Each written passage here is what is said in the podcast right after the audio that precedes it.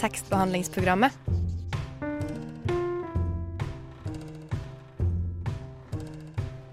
Tekstbehandling på radio. God dag, god morgen, god ettermiddag, god kveld. God uansett hvilket tidspunkt på døgnet du hører på dette her. Dette er tekstbehandlingsprogrammet. Jeg heter Maria, og jeg har noe veldig spennende å ja, dele med dere lyttere i dag.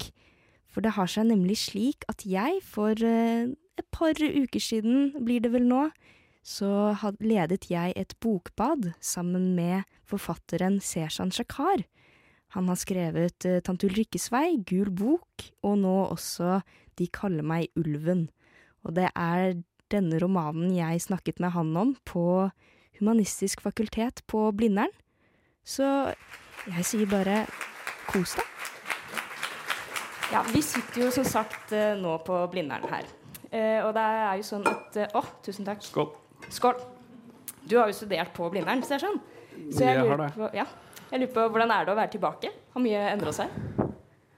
Eh, mm, ikke så veldig mye, egentlig. Men jeg gikk jo jeg gikk over gata på, over gata. på SV. Ja. Så, så, jeg tror jeg var her inne liksom to-tre ganger. Og syntes det var veldig mye sånn merkelige folk. Og, ja, det var jo det Ja. var, Og sånn er det jo på Blindern, da. For den har litt dårlig lyd. Nei. At uh, man har jo liksom så mye fordommer mellom fakultetene. Ja. Så, så Men eh, fint å være tilbake. ja. Det var disse litteraturfolka som var litt uh, snåle. Ja, det var det. Eller meg, altså. Eller Fordi en av liksom Av alle de tinga jeg angrer på i livet, som er ganske mange, så er, det, så er det at jeg liksom Jeg hang, jeg hang så lite på Blindern. Fordi jeg tror kanskje det er noe med når du er fra Oslo og studerer i Oslo, eller i hvert fall var det sånn for meg, da, så hadde jeg liksom så veldig sånn etablert miljø og vennegjeng. Ja. Så at jeg, Blindern for meg var egentlig å dra på Blindern, være på forelesning, og så dra og henge med de folka jeg alltid hadde hengt med. liksom. Oh, ja. Og det angrer jeg på da, iblant. Jeg liksom skulle utforska verden litt mer. Skulle utforska Blindern litt mer. Ikke minst. For ikke kalle Blindern verden, da. Men for noen er det jo kanskje det. Men noe som har, eh, som har blitt veldig synlig på Blindern nå i det siste, er jo denne nye boka di. Det er jo plakater av den overalt, og man, eh, sånn som i dag, mulighet til å hente den og ta den med seg hjem. Eh, Og når jeg tok den fram og skulle lese den, så satte jeg veldig merke til tittelen. De kaller Mm. meg Ulven. Da lurte jeg veldig på hvem er denne ulven? Og det er kanskje litt åpent, eh, vanskelig spørsmål å svare på helt i begynnelsen, men hvem er ulven? ja, hvem er ulven. Altså, det er jo noe han hovedpersonen i boka blir kalt. Eller han blir kalt det av liksom barndomsvennene sine, at han er ulven. Og så veit han jo ikke helt hvorfor de kaller han det. Så, så det er litt sånn åpent spørsmål. Og det, jo, det kan jo være mange ting. Det kan være fordi han spiste så mye pizza da de var små. Liksom, liksom sånn sulten som en ulv, da. Ja. Eh, men en ulv er jo Skal ikke ta de metaforene altfor langt, men en ulv er jo også alltid liksom i bevegelse. Den, den forflytter seg hele tiden. Eh, den er alltid på jakt etter et eller annet. Da. Så, så det med ulven kan like gjerne spille Spille på en sånn stedløshet rastløshet, på en måte. ja. Ok. Så han er også ute på jakt, han hovedkarakteren? Ja, ikke sant? Fordi han er jo Når man møter han, så er han veldig sånn etablert. Um, har liksom ferdig å studere og alle de tingene. Så han har liksom har jobb og familie og enebolig, liksom. Um, og så går man litt tilbake i historien, og så kommer jo han fra liksom en familie og en klassebakgrunn hvor han ikke hadde det. da og har vært veldig opptatt av liksom å gjøre den såkalte klasse, klassereisen. Og tingen er liksom når du først øh, Når du har vært i en sånn modus hele livet, på en måte, at du føler du Om ikke bevise et eller annet, men du skal hele tida etterstrebe ulike ting, da. Så er det jo veldig vanskelig bare å liksom slå det av når du først har klart det. Ja. Og det er på en måte den rastløsheten på en måte. da. ja, som du sa, så er jo hovedkarakteren i det etablerte stadiet. Han har kone og barn og enebolig. enebolig. Eh, det er jo ikke situasjonen for de Det andre. bare det er nikotinpillene mine. Det er litt Bare nikotinpiller her. Det får unnskylde det. Ja. Men eh, i de tidligere bøkene dine så er jo ikke det stadiet som hovedkarakterene er i. Men jeg har jo merka sjøl at det er jo kanskje noen likheter mellom de tre bøkene. Er, er det en trilogi, eller er det helt tre Altså, frittstående det er jo bøker? jeg som har funnet på dem. Så det er, Ja, det er jo dine bøker. Sånn, altså, er det noen ganger hvor forfattere er sånn Ja, men karakterene liksom lever sitt eget liv, på en måte. Og det er jo tull. Det er jo du Ja. som, ja, men jo, jo, men det er tull på den måten at du, det er jo du samme person som sitter og finner dem på. Og jeg er jo bare et menneske, og jeg er prega av mine opplevelser og erfaringer. Så alt det Mm. Det gir jo på en måte mening at um, de karakterene ligner, da. Men, men forskjellen på de er vel kanskje Jeg har jo alltid Både sånn personlig, men også gjennom utdanning. Jeg er statsviter. Og, og jobb og jobbe masse med liksom oppvekst og skole og sånn. Og gjennom det vært veldig interessert i liksom klassereise. Og de bøkene er jo Det er det som er felles med de bøkene, er jo at alle handler på en eller annen måte om en klassereise. Men der prøver vi liksom å gå inn i litt ulike faser av den klassereisen. Ikke sant? Mens tante Rykkes vei var liksom unge helt i starten av en sånn såkalt klassereise. Mens i Gul bok, som det ble sagt her, så er det på en måte studietid og første møte med arbeidslivet. Og her kommer man liksom uh, inn der den klassereisen er ferdig, da. Ja, På en eller annen måte. Så slags sånn tre stadier i en klassereise, Ja, ja. på en måte. Ja. Du lytter til tekstbehandlingsprogrammet. Radio Novas smarteste program.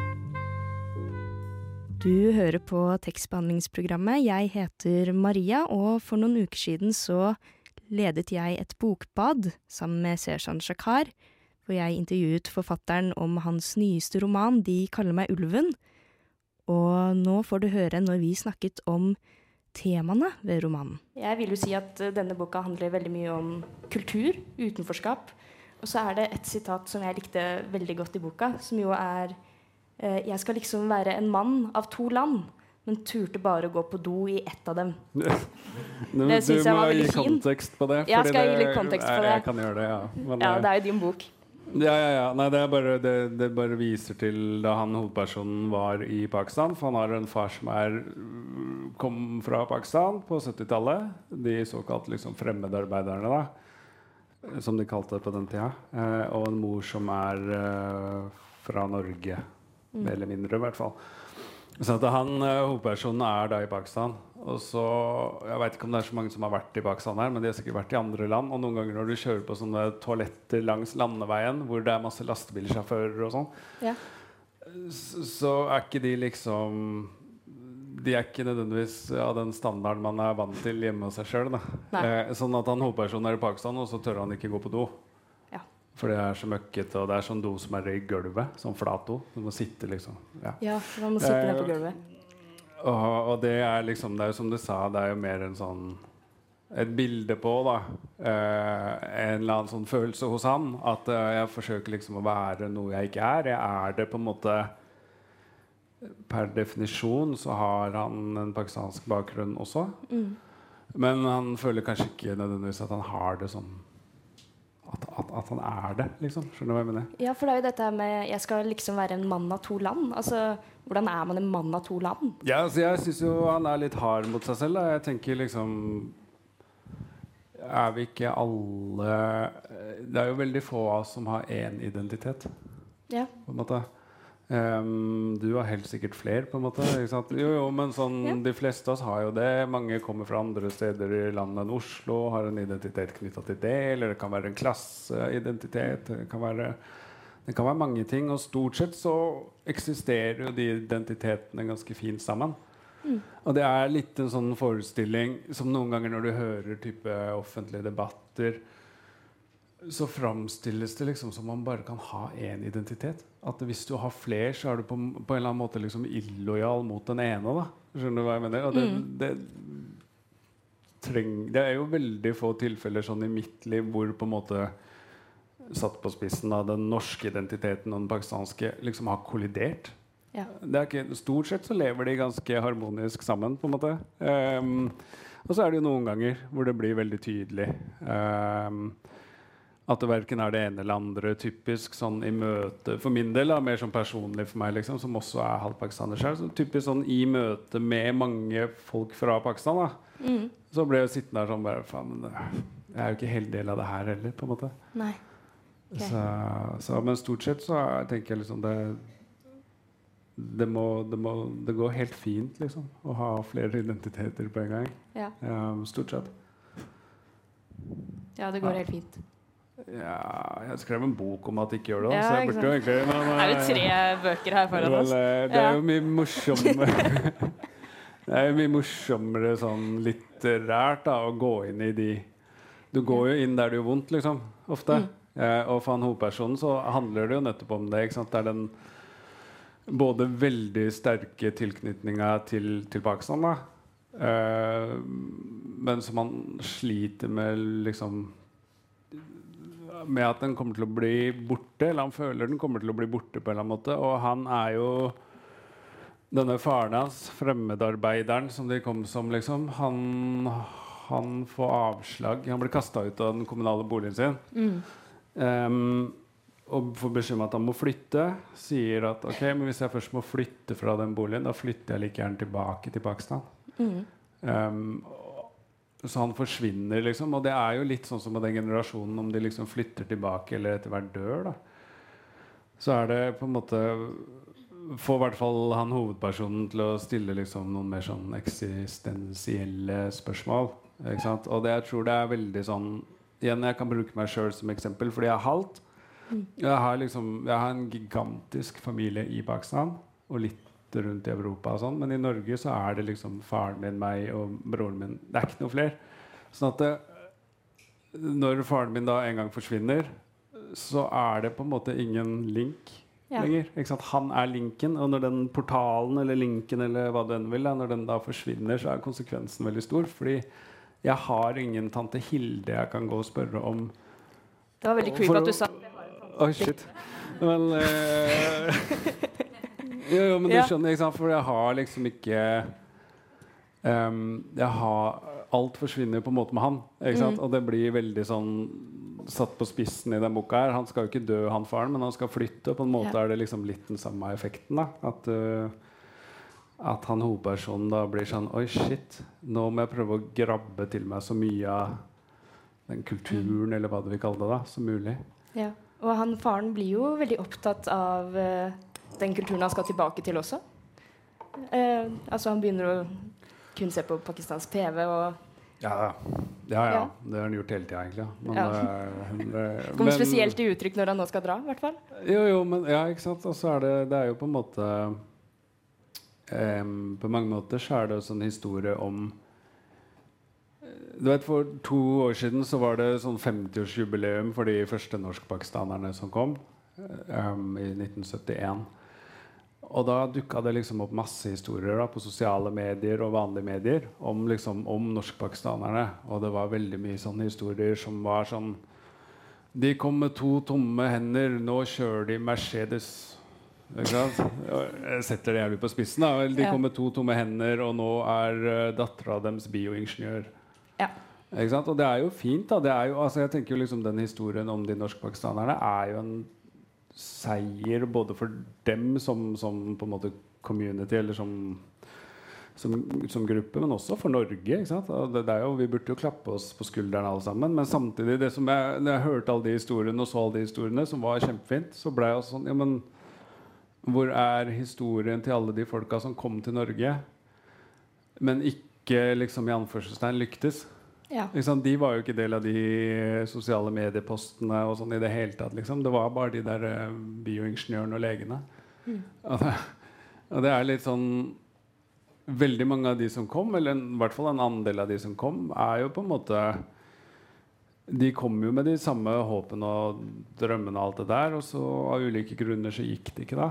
Og den historien om han faren er jo på veldig mange måter historien om en sånn. Som, som jeg, jeg liker ikke å liksom mislykkes, av et altfor hardt ord, men han blir ufør tidlig. Eh, bor relativt stusslig i en kommunal leilighet. Og liksom, den historien for, må også fortelles liksom, for Og for han faren så blir det på mange måter sånn det, du kan, da skal du i hvert fall ikke kunne ta fra han at han ikke er på en måte At han kan alt om Pakistan. liksom Han blir jo mer, mer katolsk enn paven. på en måte. Ja. han skal faen, Du skal faen ikke ta han på at han kom hit, og så kan han Ikke sant? Ja. Så, så, så det er jo litt, litt det, egentlig. Ja. ditt. Har liksom vært som en sånn derre Du hører på tekstmaskinen. Marie Aubert og jeg sitter her, og du er sånn Marie Marie Aubert. Marie Aubert på besøk. Jeg og Eline. Marie bær. Hei, jeg heter Marie Aubert, og jeg elsker tekstbehandlingsprogram. Ja, du hører fremdeles på tekstbehandlingsprogrammet. Jeg heter fremdeles eh, Maria, og vi hører fremdeles på det intervjuet jeg gjorde med Seshan Shakar for en liten tid tilbake. Og nå skal du få høre Seshan Shakar lese opp et lite utdrag fra sin nyeste roman De kaller meg ulven. Jeg lurer på, Har du et, eh, en liten del av boka som du kanskje har lyst til å lese opp for oss? Ja, en liten En liten en? En liten. En liten. Um, det er da Det er om foreldra til den hovedpersonen, da. Mm. Er det jeg som driver og gjør sånne ting? Okay. Sorry. Det er lov å puste. I Pakistan varer bryllup i tre dager. Før det har prosessen vart i ukevis. Rishta, Dolki, Mandy, Dahl som spiller mens det danses med fingrene i været.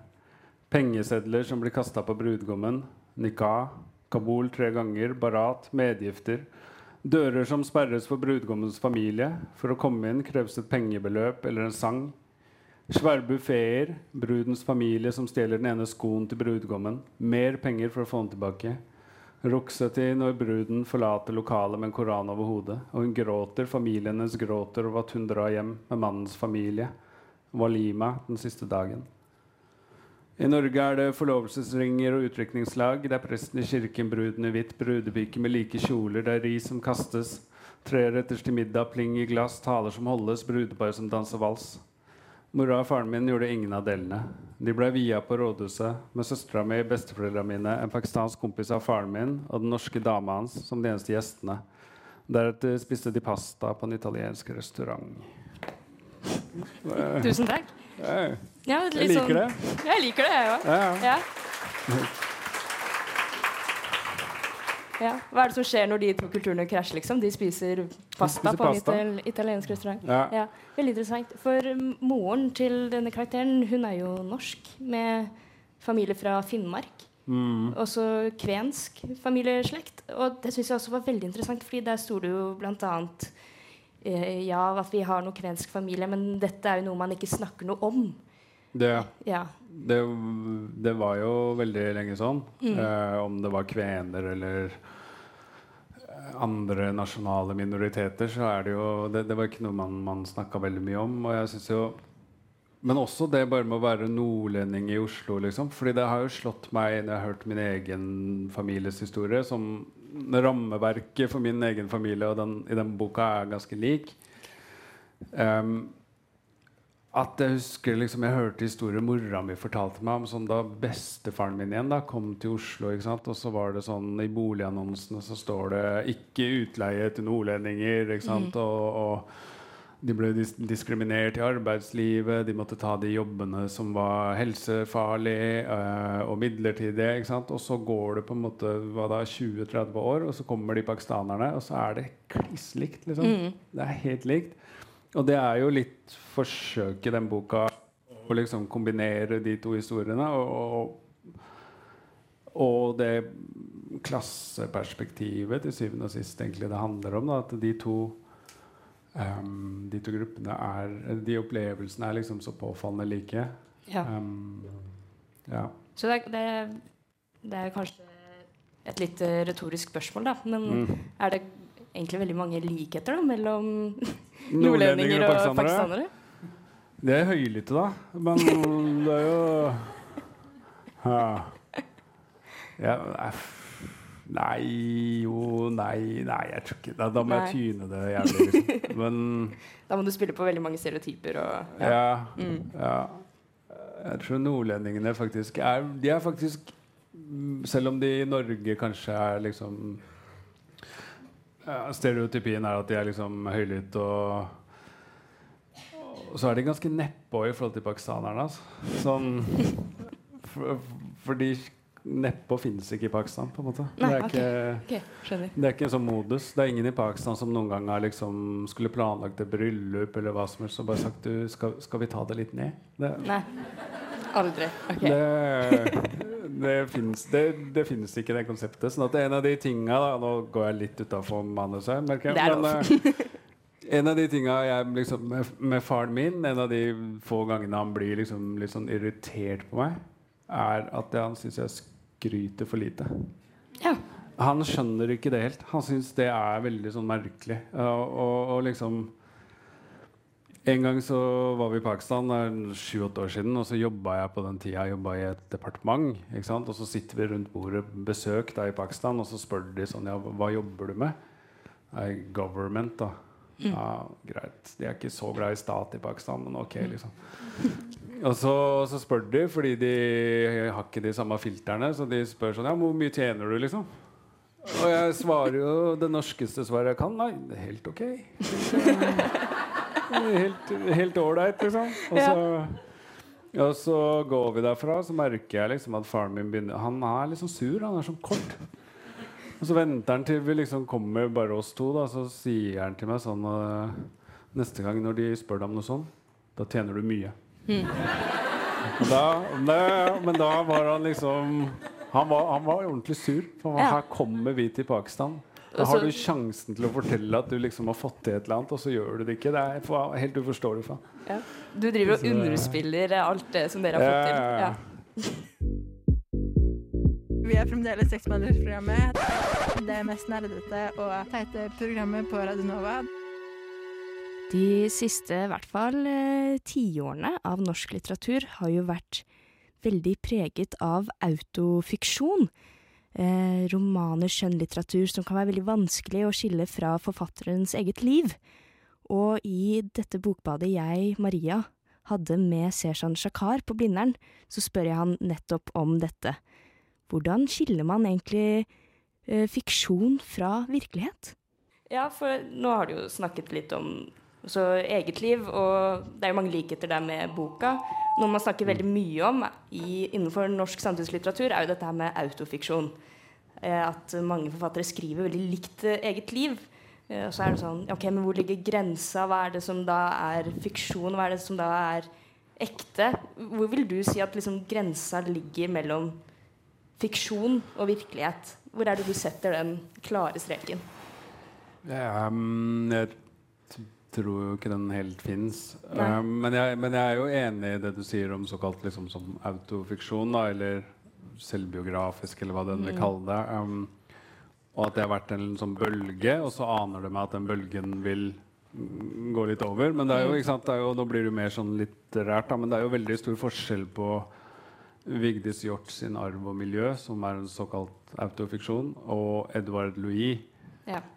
Som, som også handler jo helt åpenbart om han selv, men det er jo veldig stor forskjell på de, så jeg har ikke noe sånn Jeg, jeg veit ikke hvor linja går, men det jeg veit, er at det irriterer meg så jævlig ofte med forfattere som som framstiller det som liksom at bare, jo, når jeg skriver, liksom når jeg, Da er det kunsten. Da, er den, Ja. da opphøyer du det i en eller annen posisjon. Ikke sant? Sånn at det jeg skriver, det må bare forstås som kunst. Det er helt Det er kjempenaivt, liksom. Ja. Og også egentlig litt sånn uh, uansvarlig på en eller annen måte. da Fordi det du skriver når du skriver tett opp til virkeligheten, så må du i hvert fall være ærlig nok til å si at ok, men det her kommer til å ha noen konsekvenser for de folka. Mm. Da, Ja. da, da kan du ikke bare gjemme deg bak som den frie kunsten. Um, Floskler, liksom. Og det, det tenker jeg sånn man, man, det, Jeg har jo følt masse på det sjøl. Igjen, da, den boka her er jo på en måte ikke Det er jo ikke foreldra mine, liksom. Nei. Men de er, det er såpass mange like ting at jeg liksom Jeg skjønner jo at de de vil lese det sånn. Og da kan du godt si så mye du vil, ja, men det er bare fiksjon. Men alle de kjenner kommer til å lese mora og faren min rett inn i det også. Ikke sant? Og det, det er jo, jeg, man, jeg vet ikke, jeg prøver å tenke på de tinga, liksom. Men det, det, jeg har ikke noe svar for hvor langt skal man gå, hvor langt skal man ikke gå. liksom. Det er ikke Jeg vet ikke. Det, det blir sånn som det blir, og så får man bare ta konsekvensen litt. Eller i hvert Ja, fall noen er- vurderinger, da. Det er også jævlig sånn Sorry. Det er, jævlig, Det er lov å banne, ja. Er men det er rart, fordi Sånn som med 'Tante Rikkesvei, for eksempel, da, -hmm. som var en sånn bok oppvekst fra, på Stovner, liksom, som har masse sånn småhistorier òg. Og det er masse folk jeg kjenner som var sånn Det var meg på side 57, ikke sant? Men bare, Nei, egentlig ikke, liksom. Mhm. Sånn at folk vil jo veldig gjerne lese seg inn òg. Skjønner du? Mm. Og du kan på en måte ikke kontrollere det. De vil veldig gjerne lese seg inn i den historien du forteller. Men de kan også bli fly forbanna hvis de mener du ikke har fortalt den ordentlig. Ja. Ikke sant? Så det, er Mm. sånn, det, det er ikke så lett å, å, å, gjøre folk happy, på en måte. Nei. Og det, og det kan man jo ikke alltid heller, men uh, Nei, Man kan i hvert fall ikke ta hensyn til det når man skal skrive en bok. litt hensyn. Litt? Ja, ja, ja. Ja. Litt hensyn syns jeg man skal ta. Mm. Ja, du nevnte jo tante Ulrikkes vei. Eh, og ja, det var Når jeg leste den også, back in the day, når jeg gikk på videregående, da var det pensumbok for meg. Og jeg husker at jeg leste veldig tidlig i boka, så skriver karakteren Mo Han skriver jeg kjenner ikke det landet foreldrene mine kommer fra. Ikke i det hele tatt. Jeg kjenner Stovner. Så, så han har en veldig sterk tilhørighet til Stovner. Og så lurer jeg på, er det kanskje dette hvis vi kan kalle han Ulven, da. også Mm. kjenner på. Da ikke til Stovner, men til Dalen, som han omtaler det. Ja, som, ja, ikke sant. Og det er jo, vi, som vi var litt inne på, da, det er jo Mhm. på en måte em, Jeg tror jo på en eller annen måte er det alt det man kan gjøre, er å lage sin egen identitet, på en måte. Man, man, ikke sant. Um, samtidig så har jeg også vært sånn, sånn som han hovedpersonen i boka. Han, faren skal reise og sånn. Han prøver liksom å grabbe til seg så mye av den kulturelle arven som mulig. Helt til han blir liksom stappfull av arv. Mm. Og så er det sånn Ja, men ok, men hva nå, egentlig? Ja. Hva er det jeg skal med alt det her? Hvordan skal jeg liksom Hvordan skal jeg eh, overføre det da til, til neste generasjon, typisk? da For da har du jævlig stort potensial for å bli han onkelen som sitter sånn 'Nå skal du høre, for da jeg var ung.' ikke sant? Og Ja. Du har ikke lyst til å bli han heller. Eh, sånn at når, Det er veldig vanskelig å overføre sånne ting fra generasjon til generasjon. Ikke sant? Så Ta meg sjæl, da. Jeg har også barn, liksom. Og, og hele den måte pakistanske kulturarven. Jeg, har, jeg er jo bare en sekundærkilde for den. For å liksom ta akademisk Ser du? Mm. Prøver liksom å ja. Vi er på Blindern. Altså, jo, men det, det blir mer skjønner du, Hvis jeg bare er sekundærkilden? Mm.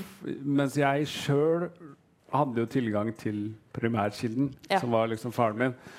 Mens alt jeg kan liksom tilby mine barn, er liksom Wikipedia. Og han var liksom fagfellevurdert forskningsartikkel. Ja.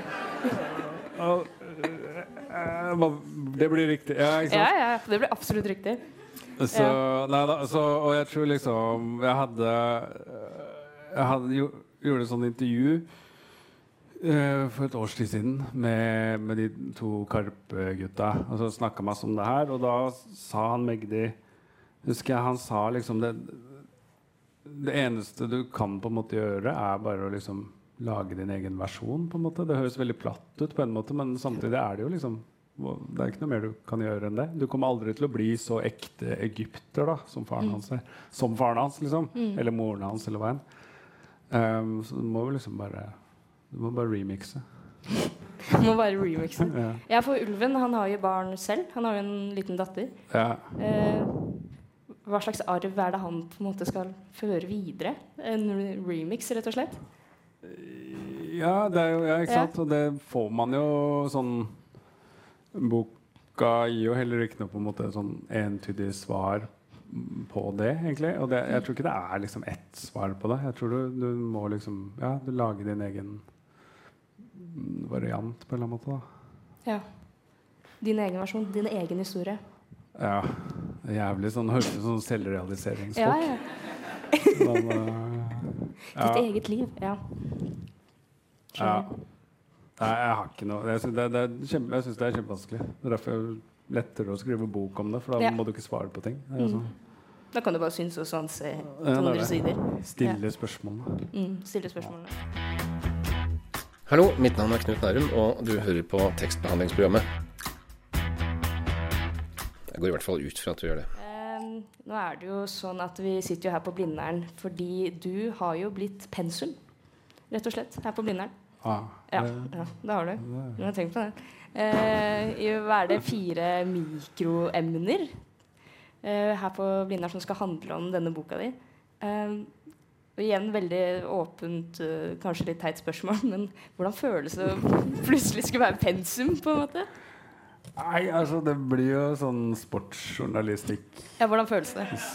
var, da. Nei, jeg fokuserer på arbeidsoppgaver, og så Nei, men uh, Nei, det vet du hva, det, det er veldig, veldig kult. Det er kjempekult. Jeg, jeg, det er, jeg har lyst til å melde meg på det sjøl. Ja, Og så det tror jeg du får lov til. Men det er, ikke, det er bare bestått, ikke bestått. Ikke sant? Ja, det er det. Ja, det er det. Ja. Ja, da syns jeg du skal kjøre på. Ok. Ingenting å tape. Nei. Nei, Da blir det litt dumt om du ikke består, Det er jo, altså, det er jo sånn spøk til alvor, liksom. Det er jo det er, jo, det er jo et privilegium, liksom. Det er altså helt åpenbart. Det det, de, når man skriver bøker, så holder du på for deg selv kjempelenge. Og, og man gjør det jo på et eller annet nivå fordi man vil at folk skal lese bøkene dine og, og liksom ta dem på alvor. Og det her er jo Blindern er jævlig alvor. Det er jævlig. det, Det er blodig alvor. Ja. Mm. Det blir ikke mer alvor enn det. Ja, for altså, dette er jo, jeg har jo studert litteratur sjøl, gjør det ikke nå lenger. Eh, men jeg vil jo si at dette er veldig annerledes pensum fra det jeg leste. det er jo Hva leste du? Nei, oi. Ja, mm, ok, nå switcher vi roller. Ja, ja. Eh, Madame Bovary og Dante og Mm. alle disse mm, Ja, men det er fint. ja. Det er, Da blir det, jeg tror det blir fint for litteraturstudentene å kunne mikse det opp litt òg. Med ja. Tror du mista lyden? Jeg tror jeg, Der Nei, fant jeg den igjen. Okay. Jobb med radio. Perfekt. Ok. Men det er jo Jeg har jo da Dette er litt flaut å si, men jeg har ikke lest den andre boka di. Mm. Jeg har lest den Lykkes vei', og jeg har lest 'De Karl Ulven'. Uh, og det er to veldig forskjellige skrivestiler. Mm. Så lurer jeg på hvordan uh, går man fram? Hvordan skriver man på to så forskjellige måter? Det er jo ulike formater, ulike språk. Um, ja, jeg, jeg veit Ja. ikke. Det, det, det er jo lett å bli litt sånn At det blir liksom forfatterklisjeer med at teksten kommer til meg. på en måte Men, men det er ikke det. Jeg tror det, det, det handler jo mer om at språket må kle historien, og det kommer ganske sånn naturlig, egentlig. Um, den boka 'Tante Rykkes vei' måtte høres ut eller leses, skrives som den, den gjør, fordi det var to unge folk, på en måte. Um, her så er det jo en mye, mye eldre um, karakter. Da. Så det kommer egentlig litt sånn av seg sjøl. Um, og så er det jo litt med at jeg syns jo Jeg forsøker å bli flinkere til det her hele tiden nå. Jeg har jo ikke gått på noen skriveskole. Det er liksom skriveskolen. Og så Ja. leser folk det, og så har de meninger om det. og sånn. Det Og skal studere og ta ja, det òg. ja. Nei da, og da liksom så jeg, man, man forsøker liksom å utvikle seg og prøve på forskjellige ting, liksom. Så det, så Mm. det er mer det. Men det er jo i bunn og grunn så er det på en måte at historien må eh, Språket må passe historien. Sånn som i 'Tante Riksvei' så snakker han ene slang, liksom. Og, det, og så blir jeg alltid spurt om sånn Ja, men hvordan tenkte du på det språklige virkemiddelet? Liksom? Og jeg, sånn, jeg tenkte jo ikke så mye på det sånn Nei. bevisst, liksom. Men han kunne jo ikke snakka slang. Liksom, Så Nei, han det er noe av det er liksom sånn Det er ikke så um, Det er på en måte ikke så gjennomtenkt, da. Nei. Um, men samtidig så er jeg også sånn Språk er jo en refleksjon av mange ting. Ikke minst liksom makt og hvor du står i samfunnet og sånn. ikke sant? Sånn at den slangen som han i Tante Riksvei snakker, som står på en eller annen ganske langt ned på den stigen liksom, av, i, i samfunnet, det er jo et uttrykk for det. Og han ul ulven der, som er liksom akademiker og bor i den villaen sin, men har fortsatt masse A-endelser fordi han kommer fra sånn kjempearbeiderklasse. Så det Mm. er jo på en måte språket er jo også en, en em, Det reflekterer en eller annen sånn Ja. klasseperspektiv. Et eller annet sånt. Ja, et eller annet sånt. Et eller annet klasseperspektiv. Han, prøver, han prøver seg jo litt på slang, han ulven, da, når han går inn i den pizzasjappa. Ja. Men han er litt usikker. Blitt litt for Ja, den slangen hans øh, funker ikke lenger. Den er litt rusten. Ja, det er flaut, altså. Det er flaut. Ja. Han blir usikker på om han skal kalle han fyren bak eh, disken mann og litt sånt noe. Mm, eller Mm. brorsan, eller ja. Hva er det man sier lenger? Mm. Ikke spør meg. Nei, jeg vet ikke, jeg heller. Eh, Jeg vet ikke. Jeg er ikke fra Oslo. men, eh, Nei da, men det kommer liksom Det, kom, det, det kommer mye av seg selv. Um, altså, ulike forfattere har ulike måter. Jeg har hørt andre forfattere si liksom eh, at de måtte finne språket før de Og da fant de karakteren. Ja. Og, men også, for meg er det liksom helt motsatt. Jeg har funnet karakteren, og da følger det med et språk av seg selv. på en måte Så det er jo ikke noe sånn Det er ikke noe det ene er riktig eller det andre er feil. på en måte Nei, det er ikke noe fasit. Det er ikke noe fasit. Og det er det som er litt frustrerende med å gå humanistiske fag. Det er ikke noe fasit. aldri fasit. Ikke på SV heller, da. Hmm? Ikke på SV Ikke på SV heller, nei. Ok, skjønner. Kanskje samfunnsøkonomi. Ja, matematikk har jo gjerne en fasit, da. Ja, det er det. Det er bare å finne måten å komme frem dit. Ja, det er det. Jeg er, jeg er litt usikker på hvor mye tid vi har igjen. Mm, to min. Jeg har ett siste spørsmål, Okay. som du da skal få bruke to min på. Okay. Eh, jeg nevnte jo at eh, dette her det er veldig ulikt vanlig litteraturpensum. Eh, det skiller seg jo litt fra Madame Bovary og alt annet. Nå er det plutselig pensum. Men jeg tenker Hvis du skulle bestemt litteraturpensum Igjen veldig stort spørsmål. Veldig vanskelig å svare på. Men er det noen spesielle du hadde trukket fram? Og du kan ikke si eget verk, for det er allerede Det er kleint, da. Det er kleint. Ja. Men det har allerede blitt pensum. Um, men jeg, sant, jeg var litt sånn inne på det. uh, at jeg har jo ikke noe sånn litterær bakgrunn i den Mm. forstand at jeg har gått liksom, litteraturvitenskap eller skriveskoler og sånne ting. Sånn at jeg, jeg føler jeg liksom står helt på utsida av det. Jeg vet ikke hva folk leser. Jeg vet ikke, Hva er det jeg burde si nå som liksom er hipt innafor? Ja, jeg vet. Øh, jeg vet ikke, Ja, jeg men det er alltid en eller annen som liksom En eller annen ungarsk samtidsforfatter samtidsforfatter som Ukrainsk Ja. Ja. Det, det er- noe vi ikke kan, i hvert fall. Ja, og derfor det- studerer ikke vi litteratur. Nettopp. Det var bra. Det Ja, var- det er konklusjonen.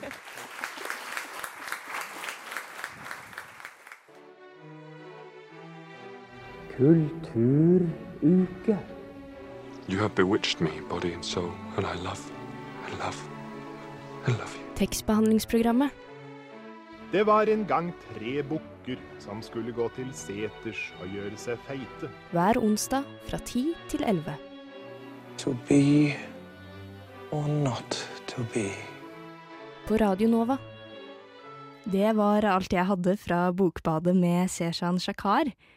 Men tekstbehandlingsprogrammet er tilbake neste uke, og hver eneste uke fremover. Du hører oss hver onsdag fra 10 til 11 her på Radio Nova.